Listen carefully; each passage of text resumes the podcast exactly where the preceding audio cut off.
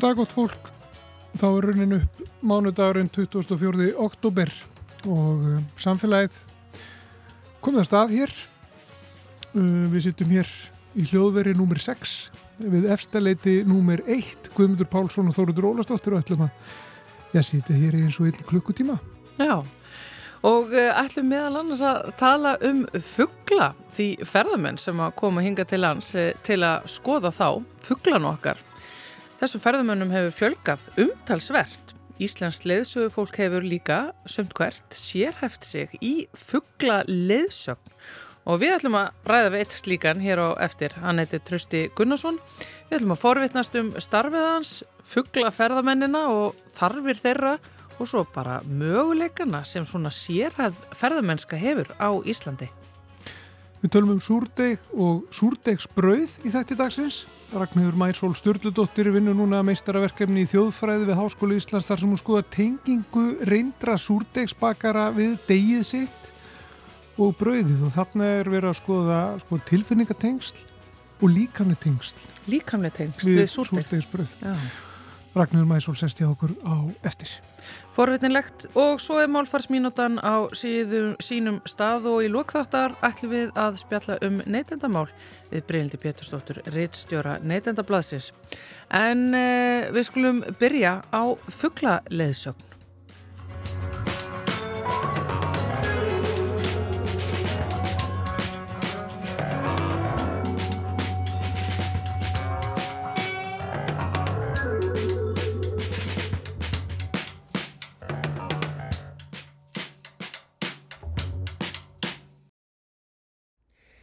Ég er komin hérna í Vassmýrina með Trausta Gunnarsinni sem er, já, fuggla leðsögumadur og það er þetta, fuggla leðsögumadur, sérhæfingin sem fælst í því sem við ætlum að forvittnast hérna um. Sæl Trausti. Já, góðan dag. Sko, fuggla leðsögumadur sérhæfi sér þá í að leðsegja ferðamönnum um fuggla. Uh, já, þetta er áhuga mál hjá mörgum að skoða fuggla en fólk hefur uh, svona mjög mismunandi nálgun á þetta áhuga mál. Það er allt frá því sko að hafa svona almennan náttúru áhuga og út í það að sumir eru með þetta svona eins og, já, hálgjara söpnunar áráttu, eru bara að sapna tegundum á lista og vilja sérst, sjá sem flesta tegundir og annarkvort á einu ári eða á æfinni eða eitthvað þannig hjá, en hjá flestum blandast þetta eitthvað saman. En að vera fuggla leiðsögumar það snýst nú aðalega um bara að fara með fólk á réttu staðina og, uh, og eins að hjálpa þeim að greina fugglana og segja þeim frá uh, þeirra atvelli og, og, og lífsferðli og svo leiðis Og hvernig er að vera fuggla leiðsögumadur á Íslandi? Uh, það er bara ljómandi gott. Það er, það er mjög gott aðgengi við að skvar og, og hérna það er, það er mikill fjöldi af fugglum það er ekki mjög marga tegundir en uh, margar tegundunar hafa, eru, eru fjölmennar mm. og uh, svo er þetta náttúrulega einhverju leiti árstíðabundið þannig að það er misjant hvað maður getur séð eftir, eftir árstíma og þannig Sko ég átta mér nefnilega kannski ekki alveg á ferðumönnunum sem er að gera þetta Vistu, hvað eru við að tala um mikinn fjölda og, og, og fer þessu fólki já, fjölgandi? Eh, já, það fer náttúrulega eftir í hvað við erum að tala um. Það hafa verið gerða kannanir sem að, sem að sína að kannski uh, millir 30-40% af ferðamönnum er einhvað að skoða fuggla en þeir eru kannski ekki beint í fugglaskoðana ferð Það, þannig að það, það eru kannski mjög margir sem hafa mikið áhuga á að sjá lunda Já. þegar þeir koma til Íslands en eru kannski ekki að skoða fuggla að öðru leiti en svo er alveg út í það að það farið í kannski sérstakar fugglaskoðanaferðir sem að geta verið alveg hérna, uh, tíu dagar eða tværi vikur eða eitthvað slíkt Já. og þá er það semst, aðal uh, viðfóngsefnið í ferðinni Sko ég veit að, að það kom hér fugglaskoðun og fólk sko bara strax eh, bara um og upp úr miðri síðustu öll eh, og þá var alveg einhver reytingur af fólki sem kom hérna sérstaklega til þess að gera þetta. En ég meina hvað eru að giska á að það séu margir sem að koma hérna í þeim tilgangi einum árlega að skoða fuggla? Uh, já, ég, ég veit ekki alveg hvort að það hefur verið rannsakað uh, hérna, uh, en það er tölverði fjöldi. Þúsundir? Sjálfsagt er það, getur það farið í ykkur á þúsund, ég, ég er ekki klára því. En þetta byrjar svona, eins og það segir, þetta, þetta, þetta byrjar strax á Viktoríu tímanum að fólk er með einhvern áhuga á að skoða náttúruna Uh, og, og sjálfsagt lengur en, en svona sem ferðamennska þá byrjar þetta svona kannski uh, í skipalöfum ferðum eftir á setni hluta 20. aldar Já. Og um, það eru stopnaði ferðaskristofur á, á svona 7. og 8. áratöknu sem sér hafa sig í fugglaferðum og um, þær eru þá með ferðir uh, víða um heim ofta tíðum og eru svo með eh, einu og eina ferð til Íslands þannig að það koma hópar En, en sko veist, af því að þú sérhæfir þig í rauninu sem svona fuggla leðsögu maður, eru þið mörg sem að gera það á Íslandi? Uh, já, það er kannski ekki það er ekki, það er ekki mjög margir en þeir eru alveg nokkrir sko.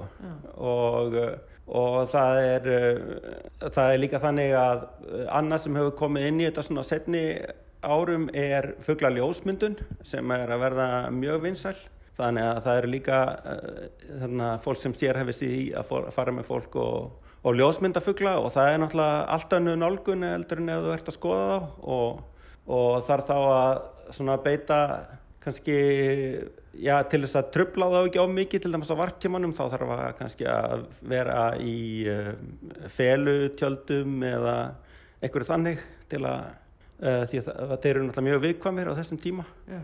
Sko eins og til dæmis ferðarfólki sem að þú ert að, að þjónusta og hópatin sem að þú ert að leiða um hva, hvaðan koma þessir ferðarmenn sem eru hérna á Íslandi til að skoða fuggla? Uh, þeir koma nokkuð víða að en kannski akkurat í svona ferðir þá er kannski stærsti markma, markaðurinn er uh, Norður Amerika Já. og Bretland Já Eh, þar er mikil hefð fyrir þessu en það er líka, einni, það er líka mjög margir til dæmis í Hollandi, á Norðurlöndunum og öðrum Evropalöndum uh. og jafnvel frá eins og það ég hef fengið hópa frá Japan til dæmis. Og hvað gerur með þetta fólk? Af því að þetta er bara Já, ég meni, það eru leðsögumenn sem að fara með fólk gullna hringin, það eru leðsögu fólk sem að sérhæfi sig kannski í jöklum og fjallaferðum, en, en hvað gerir fugglarleðsögumæðurinn með hópana sína? Hver, veist, hvað er svona típisk ferð fyrir hóp?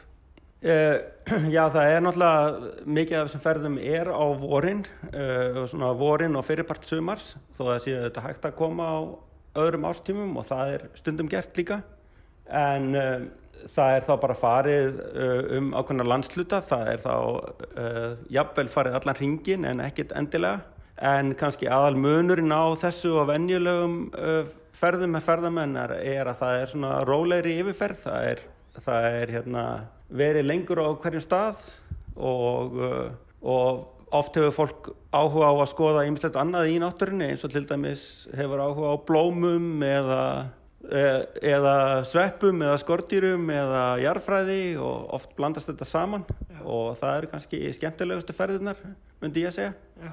En um, og svo er líka uh, jáfnveil farið í vetraferðir og þá er kannski verið að blanda öðru inn í eins og til dæmis verið að það eru fugglar og kannski norðuljós og jáfnveil kvalir uh, inn í ferðinni. Og kvalaskoðun reyndar kemur líka mjög oft inn í uh, sumarferðunar þannig að Þetta eru náttúru unnendunir, þetta eru þessir ferðamenn. Já og rannsóknir hafa sínt að þetta eru kannski einna bestu ferðamenninni sem hægt er að fá þetta eru, þetta eru langarferðir og uh, fólk sem að yfirleitt kaupi sér uh, góða gistingu uh, mat og mikla þjónustu og uh, er þetta líka fólk sem gengur mjög vel um náttúruna yfirleitt. Já, en þetta líka komið til þess að njótinar, skoðinar og þar leðandi virðir hana líka. Algjörlega. Sko, ég veldi fyrir mér varðandi bara svona staði þar sem þú fer með fólk að skoða að því að núna, veist, erum við til dæmis hérna í Vasmýrinni og inn í gróðurhúsinu sem að til er í Norrannahúsinu og horfum hérna yfir tjörn og þetta eru Hvað, hvað sjáum já, við hér? já, þetta er nokkra grágjasir sem eru hérna. Já, þetta eru grákessir, einmitt, já. Ég meina, þú veist, ertu þá bara að koma með fólk og, og rölda til dæmis bara hér um vassmínirarna eða... Uh, já, ef maður er í uh, Reykjavík sem að, maður gerir stundum þá er fínt að koma hingað eða bara uh, hérna, á tjörn hjá Yðnó, það er of, oft farið þangað Já. og svo eru bara ymsi staðir hérna á Reykjavíkusvæðinu sem hægt er að fara á uh, og eins og svolítið misjand eftir ástíðum hvaða staðir eru bestir og, og þannig. En hvað er svona staður á Íslandi sem að er svona aðeins lengra og erfiðar að fara á? Veist, eru það Fuglabjörgin við Vestmaneyjar eða Mývatn? Já, það er náttúrulega mjög margar uh, lengri fuglinskoðunarferðir sem fara á Mývatn. Það Já, er náttúrulega einn af, uh, einn af uh, merkilegustu fuglastöðum í heiminum og uh, svo er farið, en þetta, þetta eru yfirleitt ekki hérna, ferðir sem er verið að leggja á sig eitthvað mikinn barning. Þetta er, þetta er bara reynd að hafa þetta þægilegt og, og fara á staði sem eru aðgengilegir. Já, þannig að þú ert ekki í einhverju sko óveðri í öxarfyrði bara af því að einhvern langar svo rosalega mikið til þess að smetla mynda fólka. Um, nei, um, uh, sko, það er náttúrulega ákveðni fuglar eins og til dæmis fálkin að þá, eh, sérstaklega ef að þeir eru í varpi þá gilda ákveðna reglur Já, uh, og uh, það, það má ekki nálgast reyðustæði uh, þannig að um, það er nú yfirleitt bara farið á svona líklega staði og það sem að maður býst við að einhverjar fuglategundi séu og, og svo bara hefur maður augun opinn og vonað það besta. En að þú segir að, að veist, mikið af þessu ferðarfólki sem kemur hérna sé að sapna fuglum eða vilja sjá ákveðna fugla sem að það vill bara geta krossa út á listanum sínum. Og ég get alveg ímynda mér auðvitað Lundin náttúrulega koma allir hérna til þess að sjá hann. Hann er náttúrulega afskaplega fallegu fugl og það, öllum þykir náttúrulega stórkoslegt að sjá eh, fálkan einmitt og, og örnin og svona. En veist, er einhver sem kemur hérna og bara allar að sjá eitthvað sem okkur finnst kannski vera bara kannski svona mjög venjuleg og lítir fjö- fjörleg tegund bara ég ætla að koma hérna og sjá spóa eða, eða, eða músarindil Uh, já, algjörlega. Þa, það er uh, hérna, uh, það er náttúrulega bæði af því að Ísland liggur svolítið á mörgum uh, evrópsku fuglafánurnar og amerísku. Þannig að það eru nokkrar ameríska tegundir sem eru með einu varpstöðarnar í Evrópu hér á landi. Þannig að það er eins og himbrimi og, og húsönd og ströymönd. Þannig að þegar það koma fugglaskoðara frá Evrópulöndum þá eru þeir kannski ekki með þessa tegundir uh, alltaf heima hjá sér. Þannig að þá hafa þeir gaman að sjá þær. Ef það er fólk frá Norður Ameríku þá hefur það gaman að sjá um, enna evrósku tegundirnar. Svo er líka mjög algengt að fólk er, er frá löndum þar sem að kannski sömu tegundir, jáfnvel sömu fugglarnir eru eitthvað yfir veturinn eða fara framhjá á fartímanum en þá eru þeir í öðrum uh, fjadrabúningi þannig að þá hefur fólk mjög gaman að koma til Íslands og sjá sömu fugglana í uh, varpbúningi sem er þá oftast aðeins skröðlegri og, og þannig að það er alls konar. Og, og það kemur alveg fyrir að fólk er með einhver ákveði svona markmið að sjá einhverja ákveðna tegund en, en uh, uh, það er bara algjörlega einstaklismyndi Hefur þú fengið einhvern tíðan svona skringilega beðni eða beðni sem hefur komið á óvart? Um, ég get ekki sagt það sko, það, eh, sko, það er þeir sem eru svona algjörlega uh, hérna uh, sem eru algjörlega svona einbettir í því að safna sem flestum tegundum það er ekki mjög algengt að þeir komi til Íslands Nei. vegna þess að það er yfirlt ekki mjög margar tegundir sem þeir geta bætt í safnið hér þannig að við fáum ekki mjög mikið af, af því fólki en, en hérna uh, alveg einn og einn en Það eru þá einhverju sem eru bara mjög langt gengnir greinilega í þessu hobby. Uh, já, já, þetta er bara svona eins og uh, þeir sem eru, sko, hjá flestum er þetta nú eitthvað sambland en, en, hérna, en uh, þá er þetta svona, ef þetta komið svona út í algjörða söfnun þá er þetta kannski fólk sem að gæti alveg eins verið bara að sapna frímerkjum eða, eða servjöttum eða einhverju en það bara vil til að það er að sapna fugglum fugglategundum og þá þurfa, þarf það að ferðast Já, já. Já, já, ég, ég hef ekki lendið í því sko en ég, ég hef heyrt frá uh, kollingum mínum til dæmis í Finnlandi að uh, þar kom einhvern tíma maður sem að, hérna, var í langri fugglaskoðunarferð og hann satt bara aftast í bílnum og hann fór ekki út úr bílnum eða það var ekki tegund sem hann hafði ekki séð áður. Það er nú eitthvað pínu astnalegt, trústi. Já, þetta er bara, já, já, þetta er svona ön, önnun nálgun á þetta, þá er þetta komið út í smá svona, þá, þá er þetta svona smá sérkennilegt. En hvað finnst þér skemmtilegast að skoða á Íslandi, veist, með ferðarfólkinu þínu? Áttu uppáhaldsvæði, uppáhaldsfugli, jáfnvel? Uh, nei, ég get ekki sagt það en, en uh, allavega minn áhuga er á náttúrunni er mjög svona almennur, ég hef á, mikið áhuga á fugglum en ég hef áhuga á öllu öðru og hef haft það síðan ég var barn þannig að, þannig að uh, ég bara elska að vera út í náttúrunni og skoða allt sem að þar er að sjá alveg frá þarna jarfræði og blómum og skortýrum og, og, og fugglum og dýrum Já. Hljómar eins og þú sért þar leðandi fullkonu starfi fyrir þig? Uh, já, það er yfirleitt bara mjög, mjög gaman í þessari vinnu þeirra, og, og mjög þakklátt starf. Já. Já. En trusti varðandi sko þessa sérhæfingu með að taka á móti ferðamönnum sem eru hinga komni til þess að, að skoða fuggla, veist, að að, að þetta hefur náttúrulega ekki verið rannsakan nógu mikið en það er svona tilfinning þín og annara sem að sérhæfið í þessu að þetta sé nú svona vaksandi hópur. Eru einhvers kannski ónýtt tækifæri sem að svona liggja þarna og sem að við getum gert meira úr fugglaskoðunarferðum á Íslandi, markasett landið eða eitthvað slíkt? Uh, já, ég er nokkið sérfrað einhverju því en, en uh, það er náttúrulega verið að gera tölvert og, um, og það er líka náttúrulega uh, sko miklu fleiri sem koma til Íslands að skoða fuggla á þess að þessi skipulegum ferðum heldur komaði bara á eigin vegum Já. og Íslandi er í rauninni mörguleiti heppilegt til þess en þá skiptir máli að það séu til upplýsingar og sagt hvar eru bestu staðirnir og það þarf líka að vera innviðir á stöðunum og það er til dæmis uh, víða búið að byggja fugglaskoðunar hús Já. og hérna áður fyrr þá voru þau kannski uh, stundum var það svolítið, gæti að vera svolítið vanhugsað þau voru kannski ekki byggð á, á réttu stöðunum eða, eða það þurfti að uh, fugglarnir fældust við að komast í fugglaskoðunarhúsið eða eða eitthvað þannig en, en það er alltaf að batna og það er til dæmis á norðausturlandi er mjög öflugt starf í gangi Já. og verið að, að um, þar eru búið að skipulegja uh, fuggla leiðir uh, sem sagt fyrirferðarfólk sem það getur fyllt og uh, það er líka verið að setja upp viða fugglaskoðunar hús sem eru mjög vel hugsuð og, og mjög vel staðsett Já.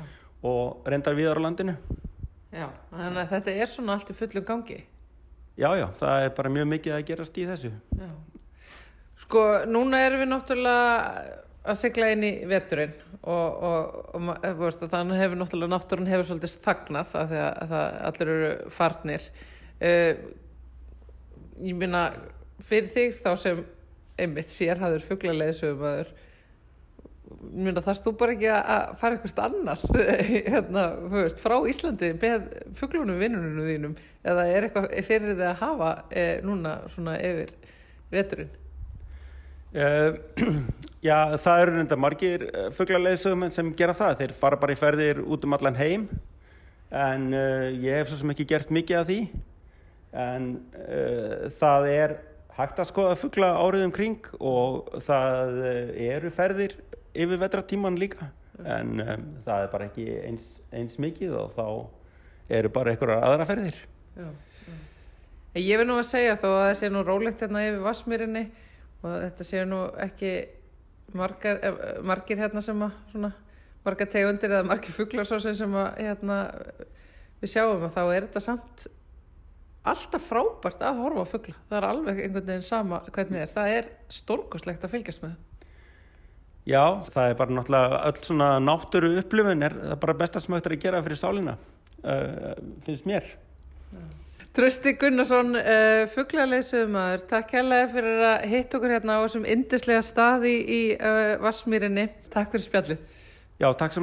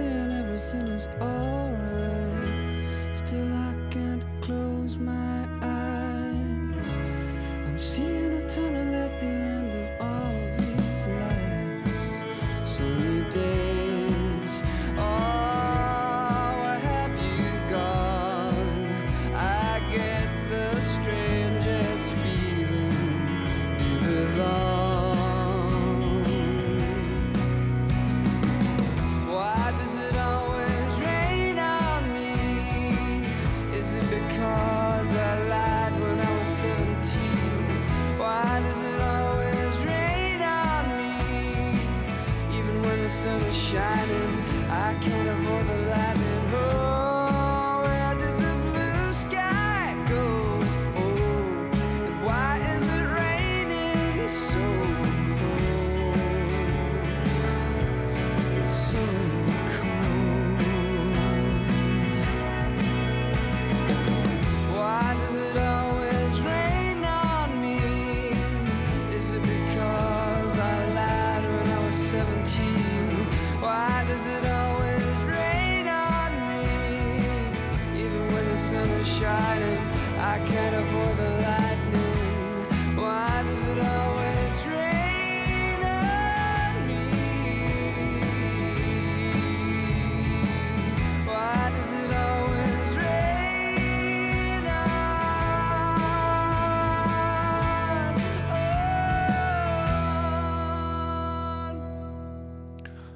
Þetta er hljómsveitin Travis og lag sem heitir Why Does It Always Rain On Me uh, spurning sem að hljómsveitin Travis varpar hérna fram Já, og eflust margir sem að spyrja sig að þessu Einmitt.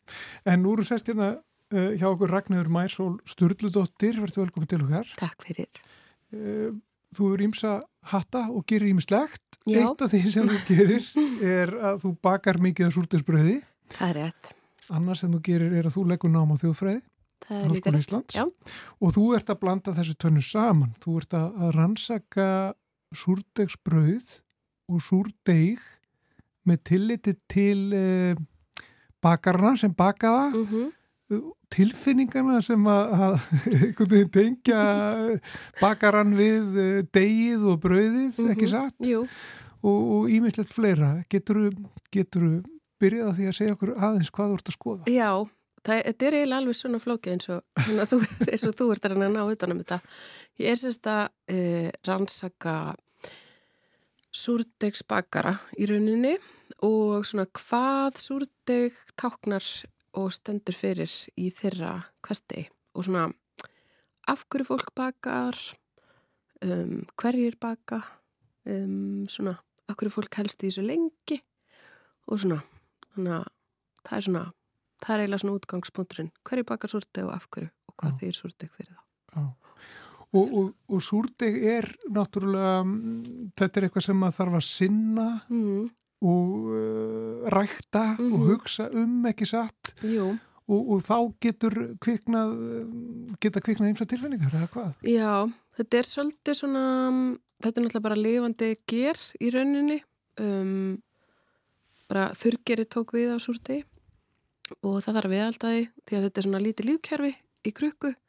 Og þegar þú gefur því að borða þá borða örfururnar upp, þú gefur því sérst vatn og kveiti og svo borða örfururnar næringuna og sterkuna og allt sem er í kveitinu og svo þarf bara að gefa eftir að borða alveg svo þurft að vöka að potta blómiðin og svo les og fólk getur tengst súrunum, súrunum sínum mjög svona ólíkt og kannski búið eigan í mörg ár og hérna er hættum að missa hann eða svo les og hlutaði er að þú veist fólk er að fara og láta eitthvað geima súrin fyrir sig á meðan það fer í frí eða það er súrdegshótel í Svíðþjóð til að ekkert komi fyrir súrin og þurrkandleigan örgla í bakkabi ef eitthvað kemur fyrir og svona. Og ég er svolítið velta fyrir mér af hverju fólk gerir þetta. Það er ekki við með alla, sumir bara búa til súr og svo drefst hann og búa það bara til annan súr en mjög margir eiga súr og það fylgir svona sögunni.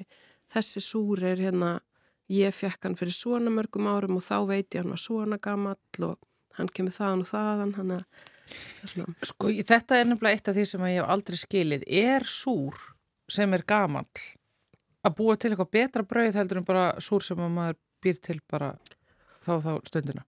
Um, Sko, nú verða einhverjur ósamála mér en eh, fræðin sína nei það er ekki þannig, mm -hmm. því mhm. bara þú ert komin hann er svona, þú byrjar að búa til súr þá er hann í svona nokkra mánuði kannski hann á ákveðinu jafnvægi bara svona jafnvæg á milli örverana og, og bræðjafvæg og svo eftir það í rauninni skiptir engum máli hvort hann sé 5 mánu eða 150 ára eða 6000 ára að þegar maður alveg lesið um til dæmis bakari sem að ég myndi groppa sig að því að mm -hmm. súrin okkar er búin að ganga hér kynsluð fram að kynsluð 200 ár langa, langa, langa, langa við minn var að búa til súrdegsbröð úr þessum súr og, og síðan er þetta bara súrdegsbröð Emmitt, þetta er miklu meira sko kannski hugmyndur um að vera búin að halda einhverju við svona lengi og það máli yfirfært á, þú veist, ég á hérna monsteru sem að ég fekk í útskriftakjöf frá myndlistakennarannum mínum.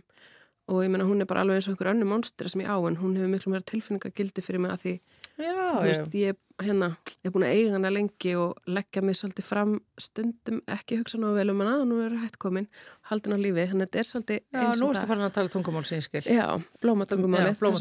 Já, þannig að súrin er í rauninu bara svipað. Mm, hann er aðeins að vesen. En ég meina, fólk eru plöttumömmur og pappar og þeir eru súrdegsmömmur og pappar. Já, daldið sko, og fólk verður alveg, hérna, getur gengið mjög langt í að halda súrnum sínum á lífi og ég hef alveg farið, þú veist, ég var eins og farið til vestfjörða í sumafrí í tver vikur og ég tók hann með og við mhm. stoppum, þú veist, á leiðinni á tveimur stöðum og þá var ég, þú veist, að ég gæti, við vorum á hótelherbyggja en ég kemd hann til bíla því það var kaldra hann, þú veist, maður minn var að koma allir í háttin og ég sagði, já, ég stekka þessu til bíla að gefa súrnum og var með henni í skottin að gefa súrnum og ég sérst að velta fyrir mér, af hverju við gerum þetta Þannig að þetta er svona, en það sem er sérst að því þú ert að spyrja hvort hann sé eitthvað öðruvísi, þá er hver og eitt súr, hann er bara hann er svona svolítið þessu jarðvegur sem er bara eins og umhverfi þaðan sem hann er tekin. Þannig að ef að ég gef þér afleggjar á súr og þú fer með hann heim til þín, þá tekur hann örfurnar og bakteríunar og þín umhverfi og aðlæðast einhvern veginn að því. Hann breytist ekki droslega mikið en það þýðir að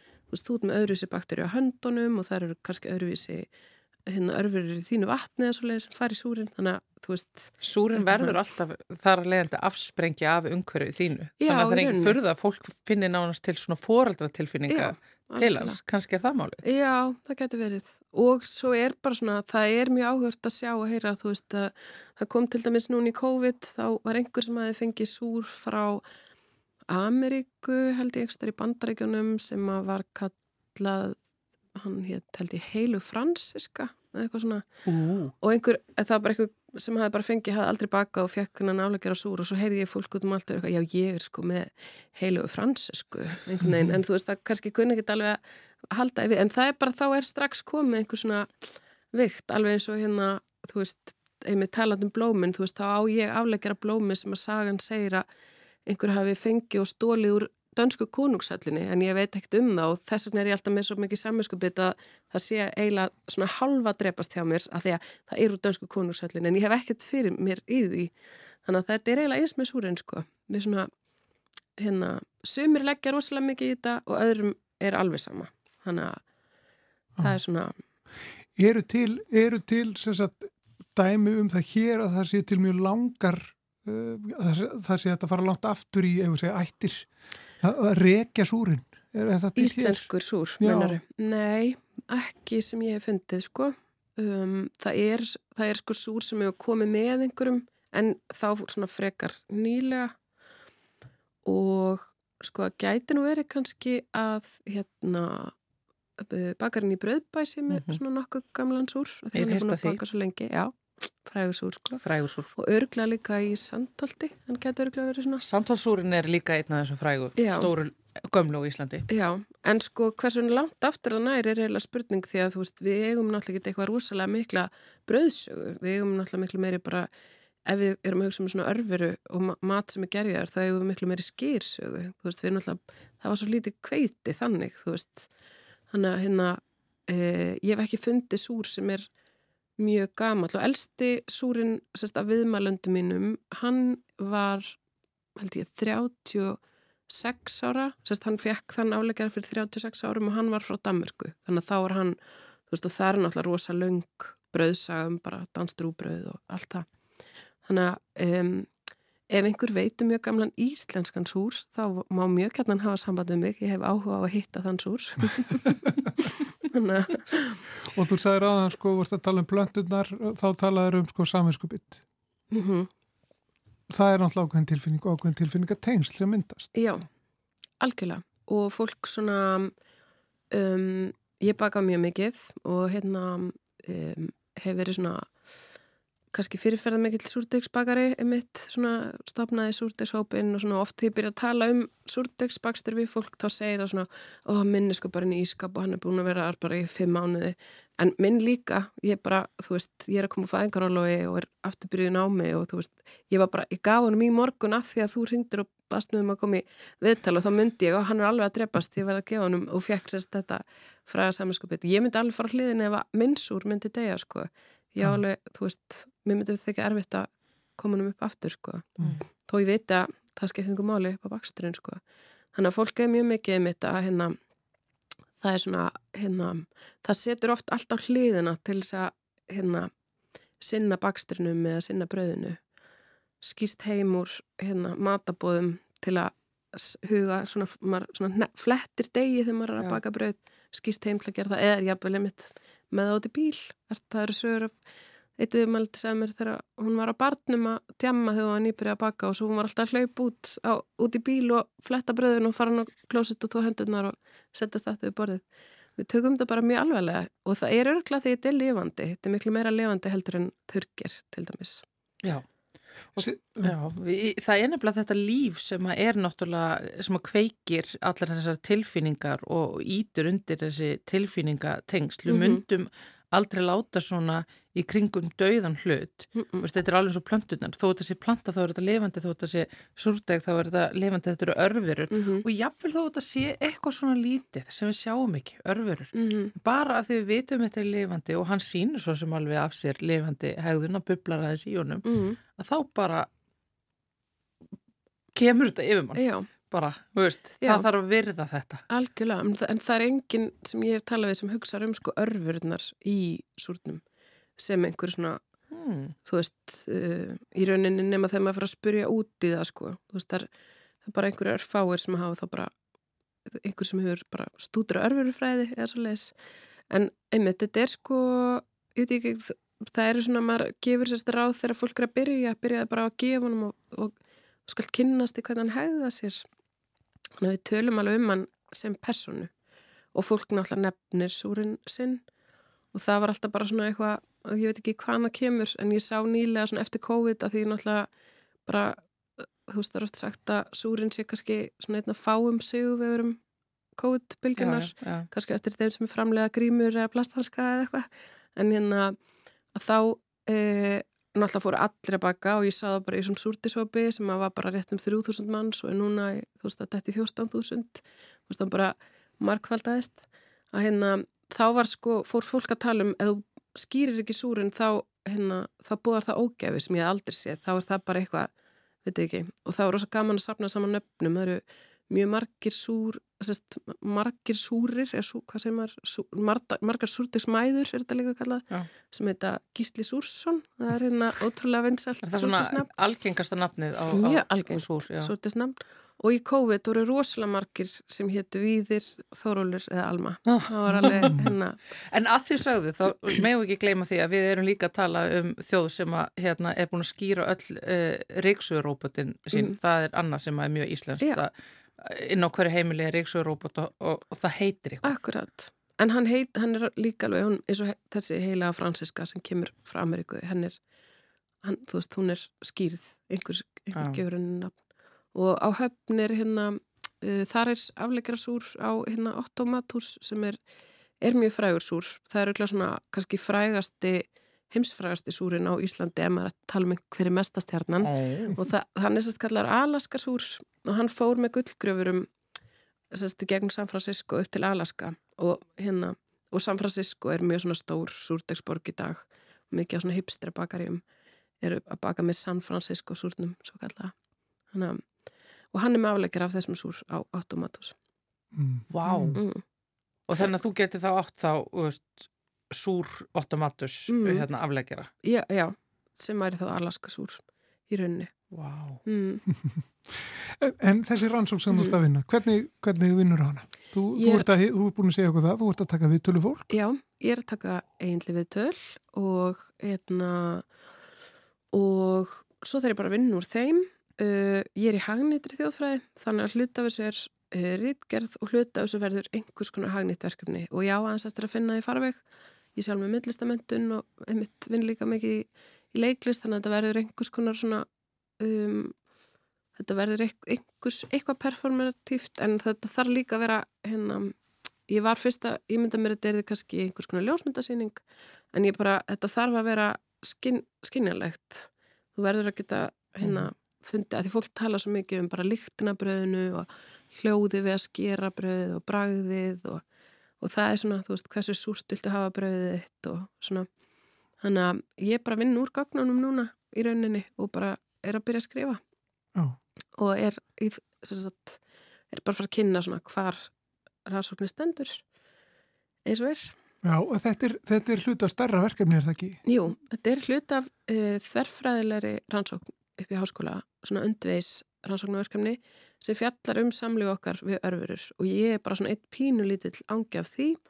Og það er sérst verið til dæmis að rannsaka hérna skýr og ef ég fer mér rétt mál þá uh, fannst sko þurft skýr upp á Mhm. þjóðminnarsafni sem á að reyna að vekja sem er sambarlegt að gert að fannst sko súr í einhverju krukku frá Eikistarlandi sem var þrjú til 6.000 árum fyrir Krist, svolítið svona stórt bil sem var sérst vakin þannig að það er örglega elsti súr í heimi bara sem við það erum og já þannig að það er einn ángi og svo er næringafræðin inn í þessu og svo er mannfræðin, hún er aðalega að rannsaka moltu og svo er örverufræðingur hann þetta er svona mjög stórt og hérna og verkefni bara snýst út á að rannsaka hvernig samband okkar við örverur er því við erum náttúrulega eiginlega bara mestmægnis kannski minnst mennsk og mest örverur. Já, við erum mjög lítið því. við erum mjög lítið við sjálf og mjög mikið einhverjir aðris sem við vitum opaslega lítið um. Já, og súr er náttúrulega hluta af því. Og það er mjög áhört í hérna í þessu súrdegi að einhver til dæmis eina sem ég svona heyrði það var sem að hugsa eitthvað um örverðunar sagði að sér finnst svo erfitt sko að sinna þeim svona rosalega mikið og gera eitthvað úr þeim og setja það svo inn í opn og baka þær og þar að leiðandi drepa veist þannig þannig var eitthvað svona tilfinningatengsl við hérna við súrin sinn Vá, þetta Já. er svona eins og veist, bara söðfórbændur sem að geta ekki borðað já, kjötið af dýrunum sínum. já, hún gæti reyndar alveg borðað bröðin henni En, fannst alltaf svolítið er erfitt að hugsa um þetta. Þetta er hún, þetta er hún uh, mjása mín. Já, einmitt. Hér, nú er ég bara að baka Þórólf og sé ekki alveg þannig en svona, það var svona. Hvað heitir þinn? Sko, ég hef átt tvo súr, tvær súrdegsmæður og svo fyrir hétt hérna Marta, eins og Marta Stewart sem Mhm. var svolítið grín í átti, var með svona hæn í fóstri á sama tíma sem ég Julia Child Já, já. hérna og svo fór hún í pössun til móðu minnar og umíka mamma mín ég segi þess að sögu mjög oft hún er heimilsræðikennari og hún er mjög góð í eldasunu og það myndaðist svona eh, sérst baðan að geima súrum í ískap og það myndaðist svona gerðinu vöku í hún á súrnum og hún held að vera ónýttur á hendunum og var bara skildi ekkert akkur ég var bara miðið mín. Þannig að hún fekk afleikir annars þar frá sem að ég kallaði þá í gríni Betty eins og Betty Crockers Mm en hann er bara kallaður súr, súrin veginn, ég kall- ég kalla hann aldrei Betty.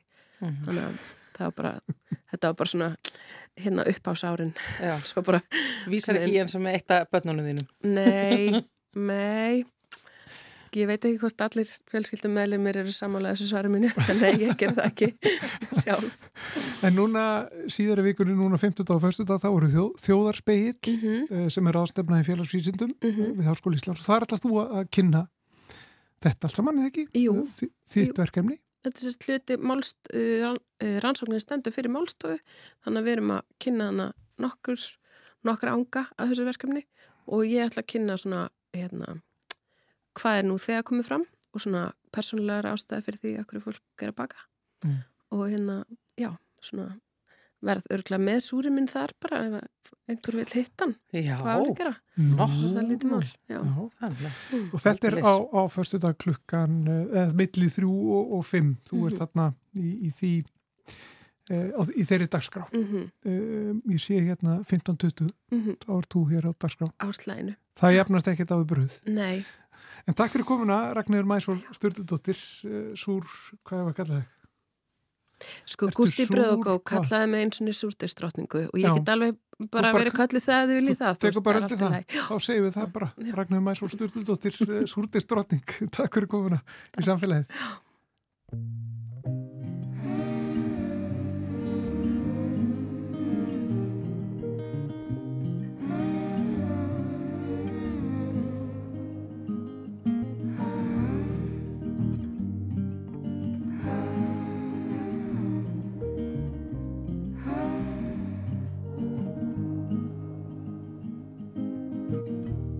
Walking down the streets I walked a year ago. The orange got the gray house and the corner store. I wish I would have done it in a different way. Without always hoping for another day. Waking up is getting harder than it did before. Dishes from yesterday and all my clothes are on the floor. But I'm starting to miss you more with every time. I see you somewhere else, so no, it's fine. The rain made a river in the field. Just killing snails with a stick and points them at me running through the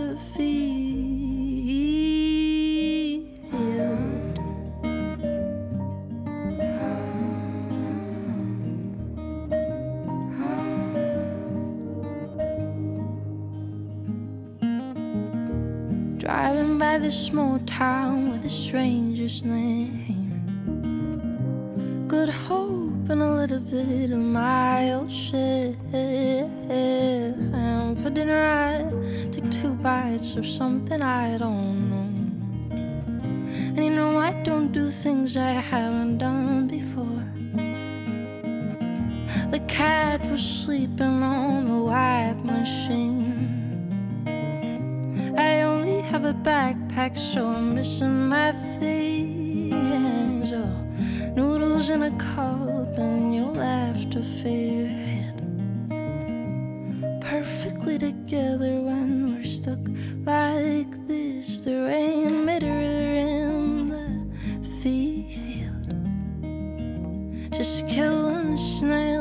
stick, then points them at me, running through the field.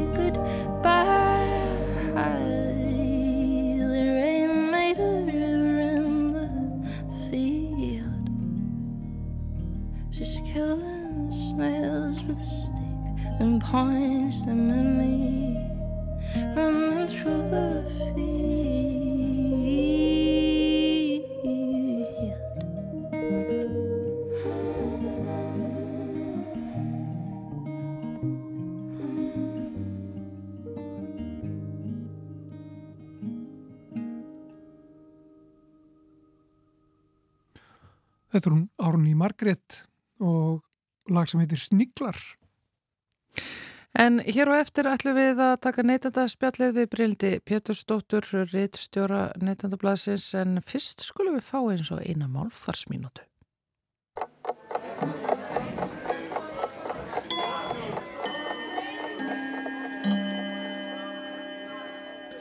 Ef ég hef óljóst hugbóð um eitthvað get ég sagt að mig gruni að eitthvað sé í vændum. Af orðabókum má skilja að gruna hafi neikvæða merkingu. Ef mig grunar eitthvað má ætla að ég hafa tilfinningunni að eitthvað uggvænlegt sé yfirvofandi. En málið er ekki alveg svo einfalt. Einhverja getur til dæmis grunað að vinir þeirra sé að undirbúa óvænta afmælisveislu. Það getur vissulega verið uggvænlegt fyrir fólk sem er ekki sérstaklega félagslind, en það getur aftur á móti líka verið mjög jákvætt og spennandi. Því hver hefur ekki gaman að láta koma sér á óvart öðru hverju? Samt sem áður er vel hægt að gruna að eitthvað slíkt sé í undirbúningi án þess að það sé nokkuð neikvætt við þær grunnsemdir.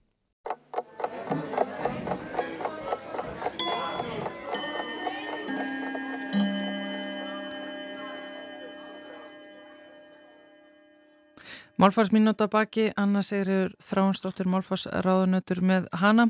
En þá ætlum við að tengja okkur við stúdíu á Akureyri þar sem að Brynildur Pétursdóttir, reittstjóri eh, neytendablasins, situr sælverstu. Sælverði.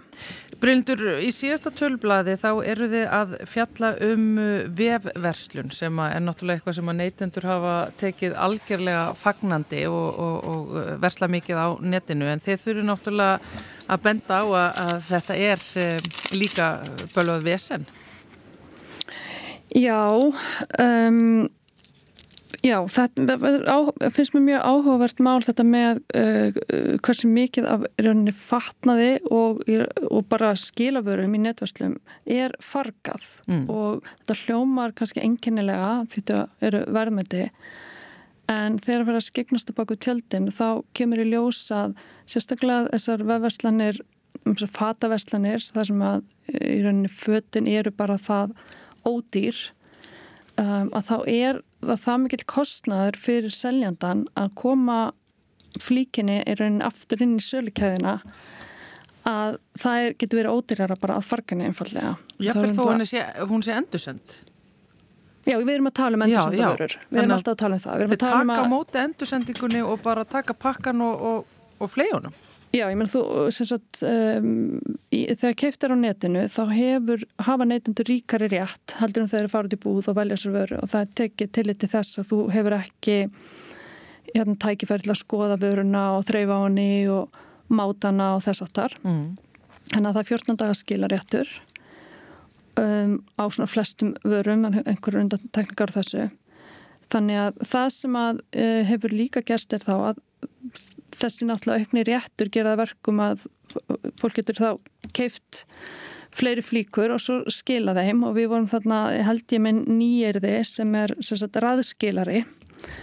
Það er sagt, enska, á ennsku serial refunder. Og það er e, þá fólk sem að sagt, kaupir margar starðir það veit ekkit hvað nákvæmlega er að fara að henda það er nokkra liti og af sömu flíkinni og skilar svo bara í, í gríð og erg því sem að hérna, því líkar ekki. Og fær það endur greitt mm. sangvænt bara á rétt á því. Og, um, og í við netverslun þá er um, svo sem eða málsins sangvænt mun mun meira um uh, að verum sér skila, það eru auðvitað alltaf eitthvað um það. Um, en þetta hefur svona, já, vald, valdið því að um, að þetta er bæði óumhverfisvænt, bæði skilin sem slík, þar sé að það er að flytja vörun aftur, aftur hérna, til seljanda og síðan eru seljendur þá uh, stundum í rauninni að bara farga, farga vörum. Já, þannig að sko það að þessi verið að, að, að sinna þannig rétti neytenda veist, með því að gera þeim klift að skila, það einhvern veginn eins frábært og það er og við fögnum því mm -hmm. að, þá einhvern veginn skilur það eftir sig alveg rosalegt hérna, umhverfisfótspor.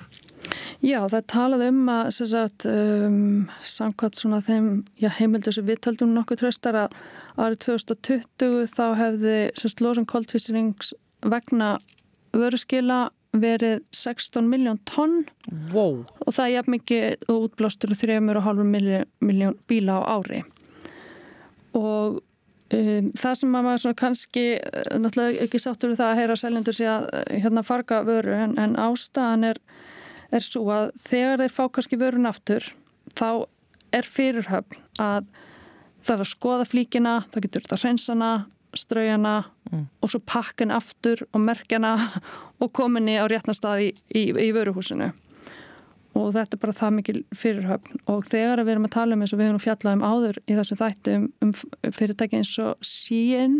Shein. Skrifa. Já. Já, sem að kýmversk uh, hérna kýmverst fyrirtæki sem að selur alveg ógrinni af alveg hræpilu varningi mm -hmm. mest, mest af fötum. Um, að er svo ódýrt, þetta er svo ódýrt að þetta er, þetta er svona að sumuleiti skiljanlegt.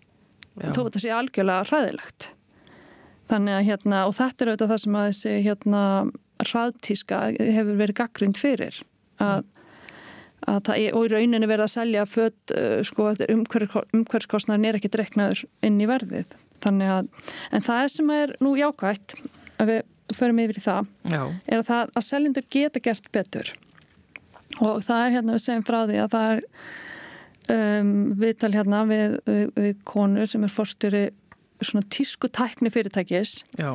sem segir að um, ástæða þess að fötum sé skila er 70% tilfella svo að fötin passa illa og seljandur geta gert svo miklu betur í að til dæmis vera með margar fjölbreyttar myndir af flíkinni vera með fjölbreyttar í mótel um, segja til dæmis hvaða starð um, mótelið er í og hversu há hátt mótilegar sem dæmi.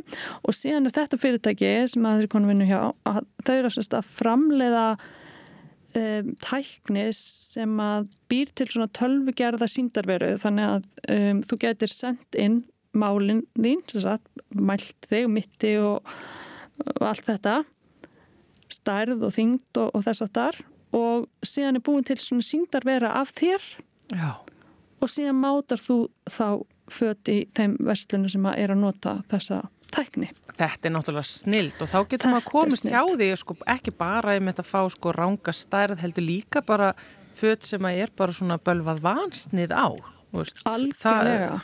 Það, er nefnilega líka svolítið þetta, ef þú getur fundið þína stærð en svo bara kannski hittir mittisaumurinn ekki á réttan stað mm. og brjóstsaumurinn og allt þetta sko Nákvæmlega og svo er eins og við þekkjum bara sum þú veist, sum fyrirtæki eða hvað sé að sumar vestlanir stundur bara er einhvern veginn sniðin hend ekki. Já, já. kannski alltaf flott, lítur rosa vel út en svo, svo máta maður að það bara þú veist, þetta, þetta er ekki og hérna þannig þetta er, þetta er náttúrulega algjörsnilt, svo er líka annað sem var nefnt að hérna að það er brest fyrirtæki sem tók upp við að bjóða viðskiptavinnum að spjalla við svona mátunar sérfræðing fyrir kaup og bara svo tilögun skilaði sér í, í minni vöru skilum Já Þannig að það er alveg hægt að gera betur og, og seljendur getur gert það. Og þetta er eins og þú segir, þetta er bæði náttúrulega sko, seljendur ættu að tilenga sér þetta því að það borga sig fyrir þá og svo náttúrulega er það líka miklu umhverfisvætna og þessir, þessir eh, stórkaupendur og raðskilarar getur nú bara aðeins farað að hugsa sinn gang. Já og svo er þetta auðvitað alltaf bara þetta svona hugsunarlegs innkaup og vantar okkur þetta og allt það sko. Já, svo er það náttúrulega annað. Já, en svo er, an, já, ég veit ekki hvort við viljum fara aðeins yfir í kannski bara netkaupin Já, og, og aðeins Er það ekki? Jú um, Þegar við erum líka náttúrulega alltaf svo sem að reyna að, að predika með það réttur neytenda við netkaup og hann er ríkari og það er þessi sem við tölum á hann 14 daga uh, skila frestur getur við sagt þú hefur 14 daga til að ákvæða hvort þú vilt hætta við kaupin mm -hmm. og þá lætur, eða þú vilt hætta við kaupin þá lætur þú seljandi að vita með sannlega um hætti, best að gera það bara í tölvposti og það sem við erum að reyka okkur á er að þetta gildir líka um útsöluvöru. Og það eru mjög margir seljandur sem vita það ekki. Þessi já, ríkir réttur eðlilega réttur skulum við segja já. það er meg að skila vöru án þess að hún sé göllu, bara hún hendar ekki. Um, að hann gildir líka þó að það hefur keft vöruna á útsölu. Já, frábært að fá þetta inn sérstaklega svona núna á þessum, þessum tíma það eru þessar útsölur í gangi mm -hmm. þannig að það er skilaréttur neytenda er bara mjög mikill og, og það er alveg eitthvað sem við þurfum að hafa í huga og minna þá seljendur á ef þau gleima því Algjörlega. Gott að hafa þetta á hreinu Bryndur Pétarsdóttir eh, bestu kveður eh, á Akureyri æfinlega. Takk fyrir spjallið. Takk, takk og uh, frá Akureyri afturhingaði efstaleiti uh, Þóruldur Ólastóttir og Guðmundur Pálsson eru bara að fara að ljúka þessum þætti sem heitir samfélagið. Já, það er ekki flókið, við lefum þessu stefi bara að lifa og þá þar með er þætti dagsins lokið, Þóruldur. Verðið sæl. Það er ekki flóknar að það. Það er ekki flóknar. Heyrjum þetta morgun.